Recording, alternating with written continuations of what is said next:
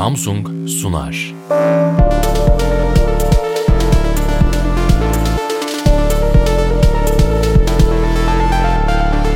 Dip gürültüsü. Sesin geldiği yere müzik dünyasından isimlerle kulak kabartıyoruz. Hazırlayan ve sunan Artemis Günebakanlı.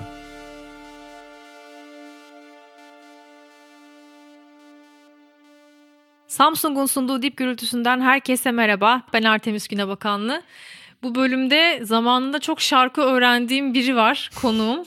Hem radyoda hem televizyonda yıllarca takip ettiğim son dönemde aslında uzun zamandır podcast yapıyor ama pandemi döneminde yeniden Menemen'le tekrar hayatıma dahil olan Buğçin Acar bizimle. Hoş geldin. Merhaba. Çok mutluyum burada olmaktan. O baştaki kısmı hızlı geçeceğiz galiba değil mi? Senin küçük olduğun benim büyük olduğum kısımları. Aslında aramızda o kadar yaş farkı olmayan Yok. ama sizin de çok genç yaşta radyolardan, televizyonlardan bize ulaştığınız dönemi. Doğru. Birazcık, yani daha 20'li yaşların anacağız. başı. Doğru. Evet. 90'larda Number One FM ve Number One TV ile tanıdık Doğru. seni birçoğumuz ben de öyle. Özellikle Menemen ve Taprak benim jenerasyonum için ayrı bir yere sahip. Ben de radyo programlarını kasete çeken nesildenim. Çok uzun bir zaman önceymiş gibi geliyor ama değil aslında. Yani çok değişimin çok hızlandığı bir dönemde yaşıyoruz ya. Hmm. Aslında o kadar da uzun zaman olmadı. Senin radyoculuk maceran nasıl başladı? Onunla başlayalım istersen. Aslında aynı senin söylediğin gibi kasetlere çektiğim radyo programları sayesinde böyle bir yani radyoya karşı bir heves başladı. O heves gittikçe böyle bir sevgiye sonra aşka dönüştü. Ama ilk yani başladığım zaman işte 90 90'ların başı 92 93 yılı onun öncesindeki 3-4 yıl zaten işte TRT vesaire bu radyoları dinliyordum ama özel radyolar açıldığında tabii hepimizin hayatında bambaşka kapılar açıldı. O zaman çok fazla sayıda program takip edip onları kasete çekip sonra çektiğim kasetteki programlar acaba ben yapabilir miyim diye deneyip kendi sesimi kaydettiğim böyle bir 3 senelik falan bir süreç var. Ve o sürecin sonunda da işte 90 95 yılıydı benim Number One'a ayak basışım. Onlar tabii önce Londra'da başlamışlardı. Hı hı. Biz oradan dinliyorduk onları. Buraya gelir gelmez de o radyocu olma hevesiyle bir şekilde peşlerinden koştum ama DJ değil VJ olarak başladım başladım. Daha sonra radyoya döndüm. Ama başlangıç öyle kasetleri çekip dinleyip aynısını yapmaya çalışarak oldu. Senin de çok genç olduğun böyle müziğin peşinde koştuğun tutkuyla bir dönem. O dönemde müzik radyoları yeni açılmış, müzik televizyonları, müzik kanalları giriyor Türkiye'ye. O dönemde o ortamın içinde olmak nasıl bir şeydi? O zaman anlamıyorduk nasıl bir şey olduğunu da şimdi geri dönüp baktığımda çok değerli olduğunu görüyorum. Çünkü sadece hani kişisel olarak değil genel olarak hem Türkiye'deki hem dünyadaki müzik gelişimi için şimdi anlıyorum ki 90'lar bayağı önemli bir yer tutuyor. Tutacak da bundan sonra. Elbette 80'ler 70'ler hepsinin güzel tarafı var ama 90'lar bir başka değişim dönemi. Dolayısıyla o zaman içindeyken çok da fazla anlamıyordum bunların hepsinin normal gelişmeler olduğunu ve sürekli hayatımızda böyle gelişmeler olacağını düşünüyordum. Şimdi geri dönüp baktığımda iyi ki o dönem işte kendimi bildiğim dönem o sürecin içerisinde merkezinde olmuşum şu anda işte insanların klasik dediği, klasik olarak dinlediği grupların birçoğunun çıkışına şahit olmuşum. Hı hı ne bileyim onların işte video kliplerini yayınlamışım, şarkılarını çalmışım, bilgi almak için uğraşmışım. Şimdi yaptığım işlerde o dönemki geçirdiğim sürecin çok büyük bir etkisi ve desteği var. Yani ama içindeyken onu çok anlamıyordum. Yani keşke anlasaydım daha fazla kayıt tutmak, daha fazla kendimi arşiv edinmek için uğraşırdım. Ama şimdi şimdi anlıyorum. Çok çok iyi bir dönemmiş. O dönemde yani 90'larda birçok yeni şey keşfettik. Hem yurt hmm. dışındaki yayınların Türkiye ayakları yavaş yavaş burada hayatımıza girmeye başladı. MTV'yi izleyebiliyorduk. Daha sonra işte 2000'lerde müzik dergileri de Türkiye edisyonlarını çıkardılar. Bunlar tabii çok kalıcı olamadı ve yavaş yavaş tekrar buradaki diyeyim ekonomik düzene mi yenilerek yavaş yavaş hayatımızdan çıktılar. 90'larda ki o besleyici dönem Hı hı. O besleyici durum, o heyecan. Sana onu hatırlatan bir şey var mı bugünlerde? Yani yine böyle bir şey geliyor dedirten bir şey var mı? Aslında mesela bu duygunun aynısını biraz şeyde yaşadım. Clubhouse ilk çıktığında. Hı hı. Yani ilk geldi girdik işte ortama. Aa işte herkes konuşuyor ve herkes her şeyi konuşuyor. Yani odalar var, müzik konuşan, siyaset konuşan ve çok uzun zamandır seslerini duymadığımız insanlar da konuşuyorlar. Evet. Sabaha kadar konuşuyorlar. Ben de aynı hevesle o, o ekip içerisindeydim. O zaman o şeyi hissettim ya. Bana son yıllarda bunu hissettiren tabii sorunun cevabı olarak beklentini karşılamadığını biliyorum ama Clubhouse oldu çünkü 90'larla nerede benzerlik gördüm? O zaman da o 90'ların başı işte özel radyo, özel televizyonların açıldığı zaman inanılmaz bir çeşitlilik vardı. Yani radyolardaki program çeşidi şu anda e, yani ancak YouTube'da falan var. Şu an radyolarda, televizyonlarda mümkün değil öyle bir çeşide erişmek. Çeşit olmasının dışında bir de bir ciddi bir özgür bir dönem vardı. Yani şöyle söyleyeyim radyo ve televizyonların rütüye tabi olmadığı bir, bir kısa dönem vardı. Hı. Bu açıldılar işte daha böyle yasalar oturdu oturmadı. O rütük çıkana kadar geçen bir ara dönem var. Ha bu arada o ara dönemde rütük yok diye herkes böyle zinciri boşalmışçasına saçmalamıyordu. Ama saçmalayanlar da vardı. Çeşit olarak çok fazla program üretiliyordu. Otokontrol de vardı. Ama bir radyoyu açtığın zaman sabah bir program dinliyorsun, akşam gece kuşakları ayrı, sabaha karşı ayrı kuşak. Müthiş bir çeşitlilik vardı. O çeşitlilik dediğin gibi bir süre sonra bir kuraklığa döndü. O kuraklıktan çıkmaya çalıştık hepimiz. En son ben bir Clubhouse'da o şeyi hissettim ama o da çabuk bitti galiba bilmiyorum gelecekte neler olacak ama orada o şeyi hissettim. İşte gece aşkla ilgili konuşanlar, seksle ilgili konuşanlar, müzik, müziğin 90'ları, 80'leri bir tek orada hissettiğimi söyleyebilirim ama radyo, televizyon ve genel anlamda koca çevremiz içerisinde maalesef çok uzun zamandır o 90'lardaki çeşitliliği orada yaşadı. Ama bu sadece medya için değil yani. Hı-hı. Bence şey de aynı. Sosyal hayatımız da öyleydi. Hayatlarımız da öyle bir yerde evet. Yani o yüzden belki o kadar özlemle anıyoruz. Ya mutlaka tabii bu işin içerisinde biraz nostaljik bir durum vardır. Ben bunu daha çözemedim. Hani biz de o yaşlardayken birileri hep bize işte 70'ler 80'ler evet. falan diyordu. Şimdi aynısını biz diyoruz. Belki bize de o gözle bakıyorlar. Ama mesela şunu görüyorum işte işim gereği çok fazla gençlerle ve birçok kuşakla iletişim halindeyim. Onların sosyal hayatını biliyorum. Yani gözümün önünde yaşıyorlar işte dışarı çıkmaları, kimlerle muhatap oluyorlar, nasıl aktivitelere katılıyorlar bizim 90'larda yaşadığımız o çeşitlilikten çok uzak. Çok zevk aldıkların aldıklarından şüphem yok. Çok hı hı. mutlu olduklarından şüphem yok ama çeşit olarak yani çok basit bir şey söyleyeyim. Hepimiz bunu kendimizde deneyebiliriz. Özellikle İstanbul'da o süreçleri geçirenler için. işte Beyoğlu'nun başından girip bir, bir akşam vakti sabaha karşı o caddenin sonundan çıktığında rock da dinleyebilirdin, caz da dinleyebilirdin, dans da dinleyebilirdin. Bir de bunların türevlerini de dinleye. Yani rock'ı da sadece tek evet, bir çeşitte evet. değil. Bir sürü çeşitte dinleyebilirdin. Giderdin yemeğini yerdin sonra giderdin bambaşka bir ortamda yine eğlencene devam ederdin. Bu arada çok da rahatsız edilmezdin. E, yani öyle çok kriminal bir şeyde de değildin, ortamda değildin ve bunu çok uzun bir süre yapabiliyorduk. Şu anda mesela böyle bir Belki moda biraz bu böyle değerlendirilebilir ama tam da aynısı değil. Ve biz böyle yıllarımızı geçirdik ve o zaman da normal geliyordu bu. Bu hep böyle devam edecek evet. gibi geliyordu. Maalesef mesela o konuda üzülüyorum. Ve ekonomik olarak da öyle yani ben sonuçta bir öğrenciydim.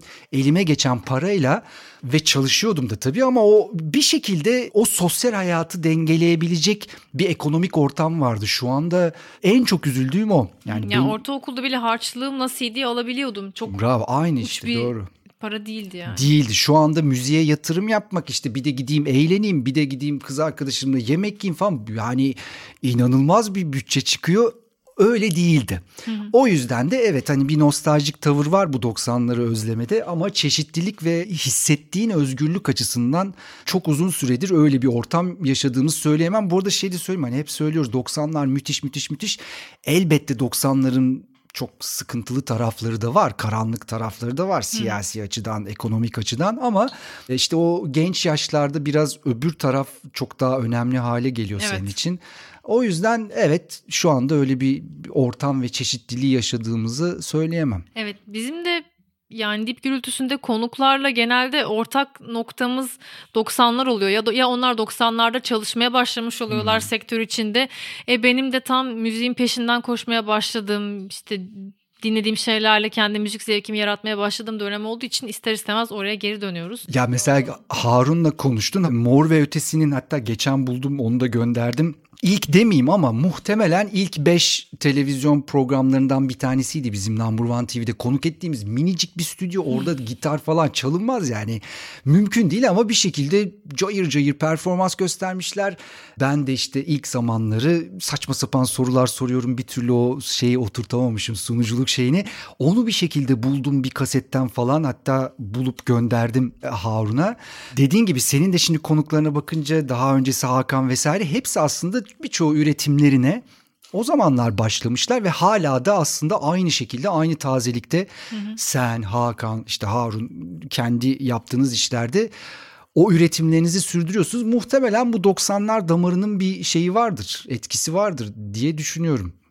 Burada en özlemli andığımız şey çeşitlilik, o heyecan. Evet. O çeşitliliği bugüne taşımak için ne gerekir mesela?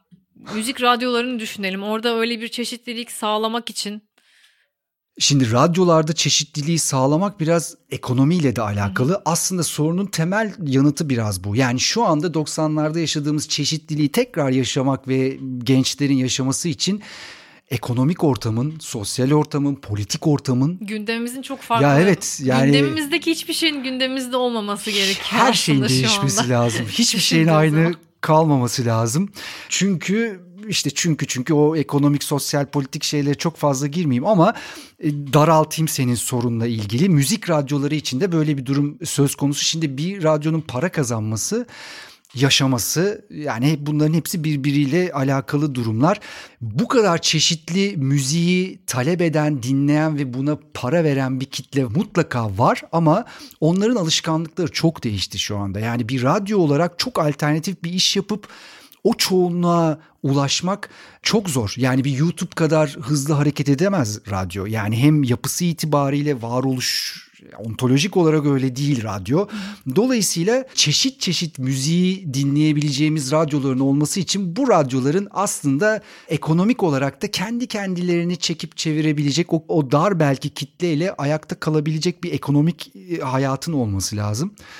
Onu da şu anda onu da çok yakın görmüyorum. Hı hı. Dediğim ve dediğin gibi yani bir sürü şeyin değişmesi lazım o çeşitliliğin tekrar geri gelmesi için. Bir de tabii ihtiyaç duyulmalı böyle bir şeye. Evet. Radyo bana kendisinden sonra çıkan teknolojilerden daha iyi zamana direniyor gibi geliyor. Şimdi hmm. insanların dinleyicilerin alışkanlıklarının değiştiğinden bahsettik ama bir şekilde televizyon uçuruma daha yakın duruyor bence ama radyo kendini yeni gerçekliklere adapte ederek varlığını daha kolay sürdürebiliyor gibi hissediyorum. Bu noktada soruma geçmeden önce bölüm sponsorumuz Samsung'dan bir mesajımız olacak. Samsung'un Galaxy Buds Pro kablosuz kulaklıklarıyla uzun saatler yeten pil gücü ve hızlı şarj özelliği sayesinde kesintisiz müzik dinleyebilirsiniz. Beğendiğiniz radyo programlarını ve podcastleri kaçırmamak, her an bağlı kalmak için Galaxy Buds Pro iyi bir seçim olabilir. Ayrıca Galaxy Buds Pro'nun stüdyo kalitesinde ses deneyimi ve aktif gürültü engelleme özelliği gibi avantajları da var. Burçin dünya hızla değişiyor. Bahsettiğimiz kablosuz kulaklıklar gibi cihazlarla dinleme deneyimimiz gitgide dönüşüyor. Ee, seçeneklerimiz çoğalıyor ama insanlar yine radyo dinlemekten vazgeçmiyorlar. Radyo interneti, uygulamaları kullanıyor, streaming servislerini kullanıyor ve bir şekilde tutunmaya devam ediyor hayatımıza. Bu kalıcılığı sen neye bağlıyorsun ya da böyle olduğunu düşünüyor musun? Evet düşünüyorum hatta yani sen de bilirsin her çıkan yeni şey radyoyu öldürür ilk önce. Radyo bir sekiz kere ölmüştür evet. şimdiye kadar ki televizyon çıktığında da radyo vardı ve ilk önce televizyon öldürecekti öldürmedi. Ondan sonra işte sosyal medya çıktı kesin dediler ölecek ölmedi podcast radyoyu kesin öldürür dediler. Hala öldürmedi. En son Clubhouse'da da bir kere öldürüldü radyo. Ama oradan da sağ çıkmayı başardı. Şimdi bunun sebebi nedir? Şimdi bir kere sesli iletişimin bence bir kalıcılığı ve samimiyeti var. Yani aslında sesli iletişim dediğimiz şeyin temeli bildiğimiz hikaye. Yani hepimiz aslında müzikle ilgili işte kimimiz müzikle ilgili hikaye anlatıyoruz. Kimimiz radyonun formatına göre başka hikayeler anlatıyoruz. Hikayeler kalıcıdır. Yani biz küçüklüğümüzde dinlediğimiz hikayeleri unutmayız. Onu bize anlatanların yüzleri, suratları, ortamlar flulaşabilir ama hikayeyi unutmayız. Radyonun böyle bir avantajı var. Yani o ses e, bir hayatınıza girdiğinde ve bir süreç içinde o sesle beraber bir bir dönem geçirdiğinizde o sizin için kalıcı oluyor. Televizyon tabii ki öyle değil. Görs çünkü hatta şöyle söyleyeyim ben mesela VJ olarak başladım. Yani hmm. televizyonla başladım. Sonra radyoya geçtim. İkisi arasında hep böyle farklar falan konuşurken şöyle derdim. Bir de bu kararı verme sebebim de şuydu. Şunu gördüm. Dedim ki ya ben televizyon programı yapıyorum ama yarın öbür gün belli ki daha iyi dekoru olan, daha iyi ışığı olan, saçları daha iyi olan, işte ya bir sürü başka şeyleri daha iyi olan bir program çıkacak ve o popüler olacak ama bu içeriğinin daha iyi olması anlamına da gelmeyecek. Ben belki hala zihnen ve üretim olarak daha taze olabilirim. Ama iyi bir dekor beni yıkabilir, dövebilir. Bu işin doğasında var. Ama radyoda biz ne olarak varız? düşüncemiz ve bunu ifade ediş şeklimiz bu kadar. Başka hiçbir şey yok. Ya kendinin çok öz damıtılmış bir hali olarak varsın sesinle var olduğun Aynen zaman öyle. bence. Bunu kullanacağım. Damıtılmış şey versiyonu. Hep ben böyle uzun uzun anlatıyorum. Çok iyi bir özet. Evet yani kafanda ne varsa ve onu nasıl ifade ediyorsan öyle varsın. Benim şortum var işte saçım şöyle işte makyajım bilmem işte çok kötü bir stüdyo falan hiç önemli değil onların hiçbiri önemli değil. O yüzden tabii ki kalıcılığı daha fazla. Mesela bunu tabii çok test ettik. Podcast, Clubhouse bunların hepsini aslında şimdi birbiriyle çok rakip olarak birini katil, birini fail falan görmemek lazım. Hepsi sesli iletişimin birer parçaları. Radyo da öyle. Radyo tabii biraz daha hantal bir yapı, kendini biraz daha yenilemeli ama temelde sesli iletişimin işte o en en en temele gidersek bunun temeli hikayedir ve bunun hep yaşayacağını düşünüyorum. Yani çok high tech bir ortam düşün, distopik bir şey işte Hı. makineler, robotlar rrr falan filan. Ama o radyo sinyali hep var olacak, o hep var olacak ve anlatan birileri olacak. Ha ne anlatacak bilmiyorum. Belki nerede daha ucuz internet var onu söyleyecek bilmiyorum ya da biri müzik çalacak biri işte yiyecek bulmak için bir şey söyleyecek ama olacak yani o o servis her zaman var olacak bence. Temel şeyi de tekrar başa dönersek ses ve hikaye. Ve ben Clubhouse'da podcast'i de radyoyu da böyle aslında bir bütünün parçaları olarak görüyorum. Clubhouse derken yani sesli iletişim Hı-hı. bundan bahsediyorum. Bu bahsettiğin şey ses ve hikaye insanın iç işleyişiyle alakalı şeyler. Yani insanın iç işleyişi Hı-hı. değişmediği sürece düşünme biçimi değişmediği sürece belki o hep aynı kalacak. Birkaç yıl önce Radyo Eksen'le ilgili bir videoda Gülşah Turgut radyonun hep varlığını sürdüreceğini anlatırken şey demişti. Spotify var, streaming servisleri var ama dinleyiciler hala bizden istek şarkı istiyor. Hmm. Bize şarkı gönderiyorlar yani. Daha önce belki telefonla arıyorlar. Şimdi Twitter'dan gönderiyorlar, Instagram'dan gönderiyorlar. Ama böyle bir şey var yani istediğin her şeyi her an dinleyebileceğin bir ortamda sen radyodan dinlemek için istek şarkı gönderiyorsun. Yani orada bir sürü motivasyon var. Doğru. O da çok güzel bir tespit. Belki isminin orada evet. anons edilmesi seni belki değil çok büyük bir ihtimalle öyle. Yani sadece şarkı çalsa tatmin etmeyecek ama o dediğin evet yani bir yapı meselesi. Yani insani yapının içerisinde bu var. Ben onu şeyde de görüyorum. O YouTube'da Twitch'te de yorum yazanlar aslında istiyorlar ki gözüksünler. Evet adım okunsun. Adı okunsun. İşte şunu yapmış. Aa bana bunu göndermiş diye. Aslında aynı dürtü. Yani dürtüler değişmediği sürece insan çok acayip bir evrim geçirmediği sürece hikayeyi sevecek, hikayesi kalıcı olacak. Evet kendi isminin duyulması başka bir tarafından onu onore edecek, hoşuna gidecek. Dolayısıyla evet bir de tabii şeyler de var. Yani radyo dinleme aktif bir şekilde yapabildiğim bir eylem olduğu için ya mesela video ve televizyonda öyle bir şey yok. O seni kitliyor, kendine esir alıyor ve o bitene kadar da oradasın ve hakikaten de bunu çok iyi başarıyor. Ama radyoda ve sesli olan şeylerde hareket kabiliyetin var. Bu çok önemli bir fark bence. Yani bugün herhalde podcastleri falan bu kadar daha fazla dinlenilir hale getiren insanlar keşfediyorlar ve daha fazla kalmalarına sebep olan şeylerden bir tanesi de bu. Bu da her zaman var olacak. Yani hı hı. bitmeyecek bir durum. Dolayısıyla bilmiyorum belki romantik bakıyoruz ama e, yani radyo ya da ismine radyo deme ama hani o sesli iletişim her zaman varlığını sürdürecek diye düşünüyorum. Romantik bakıyoruz dedin ya benim de konuşurken hep aklıma geliyor. Çok nostaljik falan tınlamamaya çalışıyorum ama çok duygulara dokunan bir şey. Yani radyodan bahsederken illaki böyle bir duygusal bir şeyden bahsediyorsun gibi oluyor. Çünkü gerçekten konuşarak kurduğun, görmediğin bir kişinin sesini duyarak onunla kurduğun iletişim gerçekten tuhaf yani daha derin geliyor bana da. Belki evimde çok her an radyo açık bir nesilden geldiğim içindir bilmiyorum ama öyle hissediyorum. Şey soracağım. Radyonun o dijital dönüşümü de yaşadığı döneme tanık oldun. Dinleyicilerle iletişimde ve dinleyici kitlesinde nasıl bir değişim gözlemledin sen? Sonra da podcast'in de bir etkisi oldu mu diye oraya da geleceğim. Yani ciddi bir değişim tabii ki gözledik hepimiz. Bir kere işte o kuşaklar değişti. O kuşakların iletişim anlayışı değişti, hitap şekilleri değişti, bir şey isteme şekilleri de değişti. Şimdi eskiden ya hep böyle yine eski eski diyoruz da şimdi o zaman radyo dinleyici mesela telefon açardı dinleyici bayağı konuştuğumuz dinleyiciler vardı. Yani tanıdığımız, bildiğimiz hiç birbirimizin suratlarını görmüyor. O da bizi görmüyor, biz de onu görmüyoruz. Gediklisi programı. Gediklileri vardı ve onlar bir, bir, bir iletişim dili vardı. Bir kere o dil değişti. Ama o dil her yerde değişti. Sadece radyoda değil işte yani ticaret hayatında da değişti. Farklı yer politikada da değişti. Her yerde değişti. O dilin değiştiğini görüyorum bir. İkincisi tabii ki şunu görüyorum. Yani radyo eskisi kadar popüler bir mecra değil. O yüzden bu kabuk değiştirme safhası ile ilgili sıkıntı çekildiğini de düşünüyorum. Orada tabii ne oldu? İşte radyo dediğin aslında o andır, canlıdır. Yani sana bir sürpriz yapar, sana bir şarkı çalar, sana bir hediye verir. Bir sonrasında ne yapacağını bilmediğin için hep böyle bir istek, motivasyon vardır. Sonra öyle bir dönem başladı ki bunun tam tersi bir dönem. İstediğin zaman istediğin yerde. Yani tamamıyla zıttı bir anlayış geldi. O yüzden radyo bir anda bambaşka bir seviyeye çok ciddi biçimde düştü.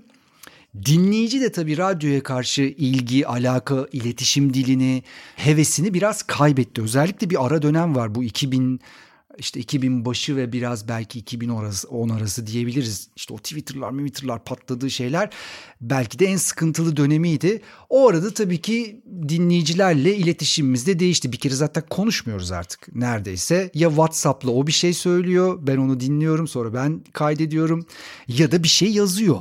Yani telefonla öyle uzun uzadıya konuşma e, kısımları bence artık birçok program formatı için bitti. Hala devam ediliyor tabii bu formatlar ama katılanlar bizim gibiler daha çok. Yeni kuşak için iletişimin daha hızlı olması lazım ve bunu çok net görüyoruz. Biz, biz mesela programımız WhatsApp'la dönüyor. WhatsApp yani şu an tam merkezinde. Ses onunla geliyor, yarışma için video onunla geliyor, her şey onunla geliyor hiç canlı bir konuşma yapmadan her şeyi yapabiliyoruz. Bence dinleyicinin de hoşuna gidiyor bu. Yani o da bunu tercih ediyor. Biz de ona göre kendimizi aslında yenilemiş durumdayız. Pandemi döneminde dinleyicilerle iletişiminiz farklılaştı mı peki? Çünkü geçen sene bu zamanlarda bir arkadaşım şöyle demişti. Hem müzik dinlerken hem de genel dinleme alışkanlıklarında ben daha fazla insan sesi duymak istediğimi fark ediyorum hmm. artık demişti. O sosyallik yitirilince radyoda da duymak istiyorum. Ben de öyle aslında podcast tüketimim öyle arttı benim de yani bir insan duymak istiyorum. Bana o hikayeyi almak hmm. istiyorum. Çünkü az insanla konuşuyorum ya da konuşamıyorum. İnsanları göremiyorum vesaire gibi. Öyle bir şey hissettiniz mi? Dinleyicilerden gelen öyle bir geri dönüş oldu mu? Ya da radyonun popülerliğini biraz arttırdı mı sence? Radyoyu biraz daha görünür kıldı o kesin. Yani mesela son 5-10 senedir hiç radyo ile alakası olmamış, radyo ile ilgili hiçbir tecrübesi olmamış birçok insan radyoyu tecrübe etti. Şimdi o tecrübe ediş ne kadar kalıcı olacak bunu bilmiyoruz. Bu biraz da radyolara bağlı aslında. Hı. Yani şu oldu. Çok uzun zamandır radyodan kopmuş, radyo ile alakalı da bir hevesi olmayan birilerinin dikkatini çektik. Çünkü bu dediğin şey hem insan sesi duyma hem de ya ben uğraşmayayım oturup bir yerden bir playlist yapayım bilmem ne oradan orada işte atayım arşiv yapayım falan. Ya biri benim için şey yapsın uğraşsın bunları yapsın, anlatsın ihtiyacı bir radyoya bir dönüş getirdi. Ben mesela işte o arayanlar, istek şarkısında bulunanlar veya işte bir, bir hediye vereceksek katılanlar arasında yaş gruplarının biraz değiştiğini görüyorum. Ama talepler de değişti. Mesela daha çok müzik değil, daha çok konuşma istiyor insanlar. Yani bu kesin. Ve buna bu bence radyoların zaten önümüzdeki dönemdeki en büyük sınavı bu olacak. Yani bunu nasıl birleştirecekler? Şimdi bir talk radio değilse bu radyo bu müzik ve konuşma dengesini nasıl sağlayacak? Çünkü birini arttırdığın zaman öbürü kaçabilir, öbürünü arttırdığın zaman öbürü gidebilir. Ee, ama talep bu yönde. Bizim programlarımızı da etkiledi bu. Biz mesela daha çok konuşuyoruz. Eskiden daha sınırları çok çok çok kesin ve net olan bazı program formatlarımızda daha rahatladık. Ama bu bizi mesela sıkıntıya sokmadı. Dinleyiciyle iletişimimizi biraz daha güçlendirdi. Ama bundan sonrası için hakikaten ciddi bir sınav var. Şimdi geldi dinleyici tamam yeni dinleyiciler geldi. İşte onlar kalacak mı kalmayacak mı? Bu tamamen bence radyoların yine ölmeyiz. Yani o sınavı veremesek de ölmeyiz ama daha canlı ve daha aktif bir şekilde ayağa kalkma şansları var bazı radyoların. Bakalım yani bu hakikaten önemli bir dönem olacak. Sadece insan sesi duymanın ötesinde biraz da bağlantıda hissettiriyor.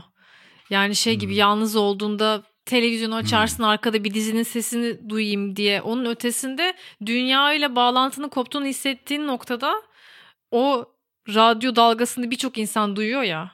Onu hmm. birçok alıcı alıyor ya. Sanki onlarla bağlantıda gibi de hissediyorsun. Biraz böyle bir telsiz şeyi de veriyor insana. Evet. Hatta... Bana öyle bir his de veriyor. Yani dünyayla bağlantıda gibi hissediyorum. Demin o hani bir distopik bir şey hissedelim ya da e, farz edelim dedim ya o, o öyle bir şey aslında. Orada işte Hani böyle artık böyle makineleşmiş bir ortamda yalnızlaşmış bir insanı düşün. Onun için o radyo frekans sesi bir yerde birine ulaşma sesi. Ee, evet. Aslında dediğin doğru. Yani o o bir yerlerde birileri hala var. Hala konuşan, hala işte şarkı çalan, bir şey yapan birileri var hissini bana veriyordu ama ben bunu mesela dinleyici de var mıydı bilmiyorum. Şimdi sana da veriyor. Demek ki bu bir, bir, iki kişi varsa onu bir birkaç binle çarpabiliriz. Olabilir eğer böyleyse şey hissiyat bu güzel. Biraz öyle. Çünkü yani konuştuğumuz şeyler biraz distopik şeyler ya. Pandemi diyoruz, hmm. küresel iklim krizi diyoruz, işte ekonomik boyutları var vesaire. Hep böyle yani yıllardır krizlerle bölünen bir hayat yaşıyoruz. O yüzden birazcık bana öyle bir o sinyal biraz dış dünyayla bağlantılı olma sinyali gibi de geliyor. Şu da geldi aklıma konuşurken. Mesela 99 depreminden sonra apartmanlardan aşağıya indiğimizde tek ses radyo sinyaliydi. Yani herkes bir haber almak için telefonlar yok hiçbir şey yok. Herkes radyoyu açıyordu ve ilk haberi oradan alıyordun. Şöyle mi böyle mi orada bağlanabilen telefonla insanlar bilgi veriyordu vesaire. Yani o Yo doğru ben mesela bunu kalıcı bir şey, iz bırakan bir şey biraz insan. Bu örneği çok veriyorum çünkü hepimiz onu yaşadık. Ben 99 depreminde işte DJ'dim yani pro ve sabah programı yapıyordum. Ben bu örneği gittiğim birçok yerde veriyorum. Ama mesela sonra şey hissediyorum. Ya şimdi bir felaketten çıkış yaparak radyonun ne kadar önemli olduğunu anlatıyorum ya. Ama bir sonra da diyorum ki ya umarım bir daha böyle bir şey gerçekleşmez. Evet, evet. Hakikaten umarım bir daha böyle bir şey gerçekleşmez ama onu aslında bir örnek olarak veriyorum ama tabii birçoğumuzun 99 depremiyle ilgili çok canlı hatıraları var.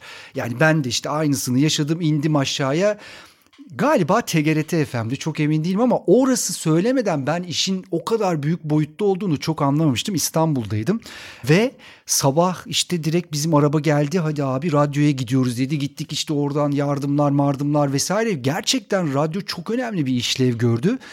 Ve muhtemelen de bu tip bir şeyde önümüzde ya umarım olmaz deprem diye düşünmeyelim ama bu tip bir e, kilitlenme durumunda hepimiz biliyoruz ki telefonlarımız kilitlenecek. Yani bunun hmm. bunun çok daha aşağısı durumlarda bunu yaşadık. Birçok iletişim aracı kilitlenecek ama radyo kalacak. Çünkü teknik açıdan radyo öyle bir şeye bağımlı değil. Yani yaşayabilir bu frekans mantığını anlatıyorum. Dolayısıyla evet ben bu örneği çok veririm. Sonunda da söylediğimde inşallah yaşanmaz deyince böyle bir tezat gibi oluyor. Ama onu bir örnek olarak alsın dinleyicilerimiz. Evet, ee, evet ya kriz anında ne kadar e, kitlesel bir iletişim aracı olduğunu hissediyorsun. Aynen öyle. Yani şu an o sosyal medyada herkes birbirine yardım ediyor vesaire vesaire. O tip bir kitlenmede işte bunu bunu yerine getirebilecek tek araç aslında radyo olacak. Umarım yaşamayız ama böyle de bir işlevi var radyonun. Peki birçok şey radyoyu öldürdü dendi diye hmm. konuştuk. Podcast'ler çıktığında da e, öldük öldük ama ölmedik aslında. Podcast mecrasının radyo etkisi nasıl oldu? Bir radyo programı gibi algılanıyor bazen podcastler ama öyle değil. Biraz oradaki aradaki farktan da bahsedelim istiyorum. Evet çünkü radyo yani radyo programına en yakın şey podcast. O doğru. Yani içerikli bir radyo programından bahsediyorum. Ama tabii ki aynı şey değil. Bunu da bence yavaş yavaş dinleyiciler işte bu pandemi döneminde çok podcast tüketerek farkına varıyorlar diye düşünüyorum. Peki podcastler radyo için nasıl bir işlev gördü? Şimdi en başta herkes gibi radyolar da endişeliydi. Yani insanlar işte o biraz önce dediğim şey radyonun temeli nedir? Canlıdır. O an yaparsın ve biter gider. Bütün güzelliği de budur. Ama podcast istediğin an istediğin yerde tamamen tezat. Dolayısıyla bu nasıl olacak durumu yani podcast çıktı evet podcast radyoya tercih edilebilir. Ve radyoların çoğu da ilk başta böyle düşündüler. Hatta radyoların çoğu şunu yaptılar. Sadece radyo programlarını e, podcast olarak paylaşıp biz podcast yaptık e, diye gururlandılar ve işlerini yapmış olduklarını düşündüler. Halbuki şöyle bakmak gerekiyordu. Buna da zamanla bence adapte olundu. Yani podcast aslında tam da bu biraz önce değişen işte nesil ve onların alışkanlığı işte istediğin zaman istediğin yerde. Bir radyo buna hizmet veremez. Yani radyo olarak bunu yapamazsın.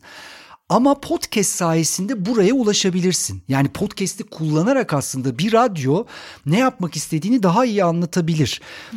Ama bu bilince ulaşması radyoların çok geç oldu Türkiye'de. Yurt dışında da belki biraz böyle ama işte biz sadece radyo programlarını hala da öyle. Radyo programları alalım koyalım işte podcast yaptık. Hayır değil. Podcast aslında radyolar için bu açığı kapatabilecek çok iyi bir iletişim dili. Yani istediğin zaman istediğin yerde dinle. Tamam okey yani o, bu, bu, bu tamam. Radyo buna dönemez. Radyo öyle bir şey değil. Yani işte çıkış noktası itibariyle öyle değil. Ama biz podcast'i kullanarak o ihtiyacı cevap verebiliriz. Şimdi şimdi işte biraz da radyo programları dışında da içerikler üretip radyolar podcast'i kullanmaya başladılar. Bence daha çok kullanmalılar. Yani radyo ve podcast çok daha fazla iç içe geçebilir. Ben birbirlerine rakip değil hatta böyle işte kuzen gibi olduklarını düşünüyorum. Yani aynı kökten geliyorlar. Farklı tabii ki şeyler, karakterler ama birbirinden çok da uzak değiller. Dinleyici için tabii ki bambaşka ama radyolar açısından konuşuyorum şu anda.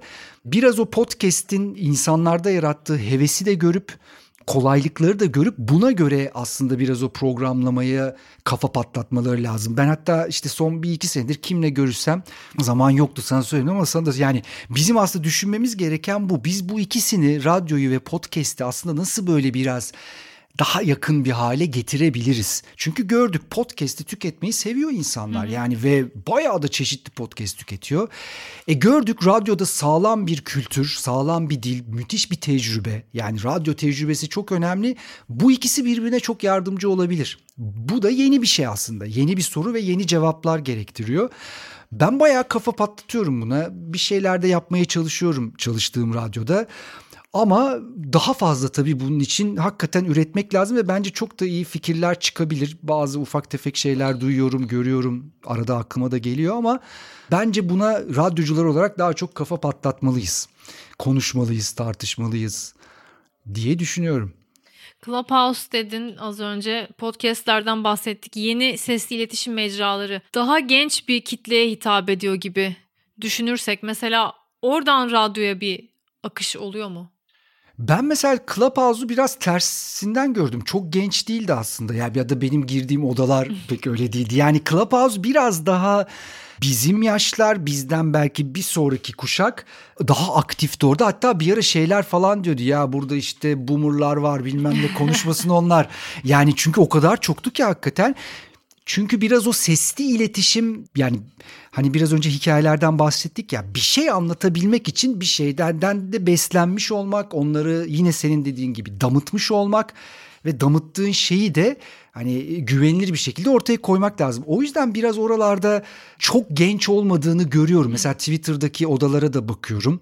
Onlar da o işte hani klasik Z kuşak demek istemiyorum. O kadar çok içi böyle yoğruldu ki o evet, de, evet. tanımın. Ama hadi öyle diyelim. Onlar çok daha az benim gördüğüm. O yüzden o kuşağı elde yani o kuşağı çekmek istiyorsak radyolara bence Clubhouse ve sesli odalar değil onun yolu. O yol yani onlar başka bir şeyin yolu olabilir. Ama o daha gençlere ulaşmanın yolunun pek o sesli odaları olduğunu düşünmüyorum. Podcast onlardan biri kesinlikle. Yani çeşitli podcastler üretip bunu yapabiliriz. Buna çok inancım var. Formatlarımızı değiştirerek radyolarda bunu yapabiliriz ama dediğim gibi sesli odaların pek o gence ulaşmak için ya da onların radyoyu keşfetmeleri için çok doğru bir yol olmadığını düşünüyorum ama şu anda böyle yani bilmiyorum bir sene sonra bambaşka şeylerle karşılaşabiliriz. Bu abonelikler vesaire başladığında farklı olabilir işler. Radyo kültüründen bahsediyoruz ya. Bir radyonun yıllar içinde bütün o programcılarıyla, izlediği yayın stratejisiyle etrafında oluşturduğu bir topluluk var. Ve bunu yerel radyolar da yapabiliyor. Bunu üniversite radyoları da yapabiliyor. Yurt dışında daha da etkili olabiliyorlar. İşte kolej radyolarından ünlü olup daha ana akıma çıkan gruplardan bahsediyoruz vesaire. Biraz bu kültürden bahsetmek istiyorum. Yani biraz onu konuşalım. Nasıl nasıl yapıyor bunu? Yıllar içinde nasıl değiştiriyor toplumu veya nasıl bir yere taşıyor? O ait olduğu yerin kültür dünyasını nasıl etkiliyor? Bence burada kilit nokta samimiyet. Yani bu, bu çok önemli. Hatta şuna da inanıyorum ben. Şimdi bence çok böyle güzel bir soru ve çok böyle derinde girmek isterim. Mesela günümüzün geçer akçesi nedir? İşte bu gençlerde ya da işte bir şey talep eden, işte ekonominin içinde olan, politikanın değişmesini isteyen değil mi? Şimdi mesela şunu görüyoruz hepimiz. Bir sistem vardı. Bu sistem aslında değişiyor politikası da değişiyor, ekonomisi de değişiyor falan. Ha biz bu değişimin kaçıncı evresindeyiz, başında mıyız or bilmiyorum ama tarih uzun bir şey, soluklu bir durum. Bir şeylerin değiştiğini görüyoruz. Bu değişimi isteyen çok güçlü bir dip dalgası var. Bunu da görüyoruz, hepimiz hissediyoruz. Her alanda hissediyoruz. Peki bu dip dalgası ne talep ediyor insanlardan? Bir sürü şey talep ediyor ama başta samimiyet talep ediyor. Yani biz politikada da samimiyet talep ediyoruz. Biz ekonomik ilişkilerimizde de samimiyet talep ediyoruz. Yani ben seni kazıklamayayım, sen de beni kazıklama yani temel olarak ben bunu talep ediyorum. Biz hemen hemen her konuda samimiyet talep ediyoruz veya talep edildiğini görüyoruz. Dönelim radyo kültürüne. İşte o ses hikaye durumu Radyoda bunu yaratan en önemli şey samimiyet. Neden? Çünkü işte başta da konuştuk. Kimse bizi görmüyor. İşte kıyafetimize, tipimize oraya buraya bakmıyorlar ve bir şey ifade ediyoruz ve bunu dinliyorlar. Şimdi radyoda insanları kandırmak zordur. Çok iyi bilirsin. Yani evet sesle de bir takım şeyler yapılabilir. Güzel oynamalar falan ama bu çok uzun sürmez. Yani bir program kandırırsın, iki program kandırırsın, sesini değiştir, daha seksi ol, daha cool ol falan tamam. Hani bir, biraz yani bir süre gider ama bu YouTube'daki gibi işte televizyondaki gibi böyle yıllarca sürmez. Kandıramazsın. Dolayısıyla radyoda samimiyet kazanır. O kültürü yaratan da ve o kültürün sağlamlığını oluşturan da bence en önemli ya bir sürü faktör vardır da en temel ve merkezdeki durum samimiyettir. Görsellikte bunu çok kolay yıkabilirsin. Ama işte sesli iletişimde bu o kadar kolay olmaz ve o kalıcılığı sağlamak da zor olur. Daha uzun vadeli olur ama daha kalıcıdır. İşte bak seninle şimdi konuşuyoruz. İşte kaç sene önceden bahsediyoruz. 90'lar evet. dediğimiz çok da yakın zamanlar değil ama hala işte sen beni biliyorsun ben seni tanıyorum. Radyo camiasında birbirimizi biliyoruz ve şöyle diyeyim sen de düşün. Kaç tane radyo skandalı yaşadık biz bu 30 senede? Yani böyle mutlaka vardır da çok büyük böyle hani mesela şimdi dönelim televizyon skandallarını konuşalım dersek ayrı bir podcast yaparız. Evet. Hadi dönelim YouTube skandalları. Niye? Çünkü radyo biraz daha temizdir bunlara göre. Çünkü samimiyet esastır orada. Yani o samimiyetle bir ilişki kurarsın ve o ilişkiyi de 10 yıl sürdürürsün. 15 sene sürdürürsün. Ne kadar soluğun yeterse, zihnin yeterse o kadar sürdürürsün. Dolayısıyla öyle radyoda çok skandal olmaz, şey olmaz. Daha temiz bir medyadır. Yani çok daha temiz bir medyadır dinleyicisiyle, sunucusuyla. Ama bunun hepsinin bence olma sebebi ve o kültürün yaratılıp kalıcı olma sebebi samimiyet ve ben onun evet 90'larda da böyleydi, 2000'lerde de böyleydi ama şimdi o biraz önce bahsettiğimiz dip dalga hepimizden bunu istiyorlar. Ya ben de bir Instagram canlı yayını bir şey yaptığım zaman samimiyet istiyor adam benden. Samimi ol, tipinle, kıyafetinle, şeyinle, anlattığınla ve gerçekten bunun aslında işlediğini görüyorum çok büyük ihtimalle de görürüz görmeyiz ama bu yeni değişen sistem içerisinde bunun çok önemli olduğunu düşünüyorum. Yani sen o samimiyeti kuramıyorsan politikada aslında çok fazla ilerleyemeyeceksin. Ekonomide o kadar fazla e, işin içinde olamayacaksın. Medyada da belki aynı şey geçerli olacak. Bilmiyorum çok mu karışık anlattım ama yo, yo. temel şey o bence samimiyet o kültürü yaratan ve bundan sonra da değerli olacak olan da o diye düşünüyorum. Peki biraz da geleceğe doğru uzatıp böyle geleceğe dair hayal kuralım radyolarla ilgili. Tamam. Mesela streaming servisleriyle ilgili konuşurken bir arkadaşım yine şey demişti. İnsanın kendisinin dataya dönüşmesi ve o servisin senin hissettiklerini atıyorum kalbinin BPM'ine göre sana bir şey hmm. önermeye başlayacak olması. Senin datayı tetikler hale gelmen gibi bir şey. Artık böyle uç şeyler çok da uç değil aslında yani. Tabii, tabii. Bahset, bahsettiğimiz şeyler. Radyo açısından baktığında böyle ne kadar uca götürebiliyorsun bu radyo sistemini? Yani teknoloji ne kadar uca gidebilirse radyoda bundan o kadar etkilenir ya da faydalanır bence. Yani şeyler çok uzak gelmiyor bana. Bir yapay zeka DJ, sunucu çok uzak gelmiyor. Bir ara yani ismi lazım değil bir radyocu arkadaşım şey derdi ya bu ya yapay zeka her şeyi yapacak müzik de yapacak kitap da yazacak falan ama öyle DJ'lik yapamayacak. Yani sunuculuk anlamında yapamayacak. O zaman da bana şey gelirdi ya evet evet her şeyi yapar ama bunu mesela şu an öyle düşünmüyorum. Yapabileceğini düşünüyorum. Dolayısıyla eğer mesela gelecekten yakın gelecekten kastımız işte yapay zekanın daha fazla hayatımıza girmesi ise bunlardan bir tanesi buysa bu radyoyu etkileyecek. Belki de full yapay zekadan oluşan ve playlistlerin de bu tip böyle bir işte buna organik mi dersin, anlık mı dersin? Neyse hepimizin işte iletişimiyle anında değişebileceği bir takım radyolar olacak olabilir. Yani olacak derken bu bir iki günlük bir mesele değil belki ama olabilir. Ve bence bunlar da heyecan verici. Neden heyecan verici? Çünkü muhtemelen oralarda artık ben olur muyum olmaz mıyım bilmiyorum ama ben teknoloji nereye giderse radyonun da bundan etkilenip bundan faydalanacağını düşünüyorum. Yani yapay zeka çok hayatın şu an içinde olduğu için o örnekten yola çıkarak söylüyorum. Ama şeyler bana da heyecan verici geliyor yani insanların anlık değişen duygularıyla değişen playlistler bir şeye bakmıyorum işte ben ona verimi vereceğim o veriyi alacak. Yani o ayrı mesele tabii ki konuşulabilir ama bunun heyecan verici olduğunu düşünüyorum. Çünkü biz bunu yapmak için işte günlerimizi saatlerimizi harcıyoruz bir playlist mantığı çıkarmak için işte acaba bunlar bundan mı hoşlanır? Dur bakalım bu şarkının şurası hoşuna gider falan.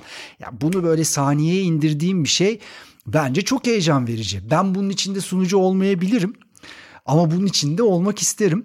Dolayısıyla da e, ben radyoların da bu genel gelişme içerisinde etkileneceğini ve de faydalanacağını düşünüyorum. Ama bunları göreceğiz, duyacağız yani yapay zekalar, şunlar bunlar, otomatik Belki playlistler. Bir cihaz kullanmadan duyacağız yani.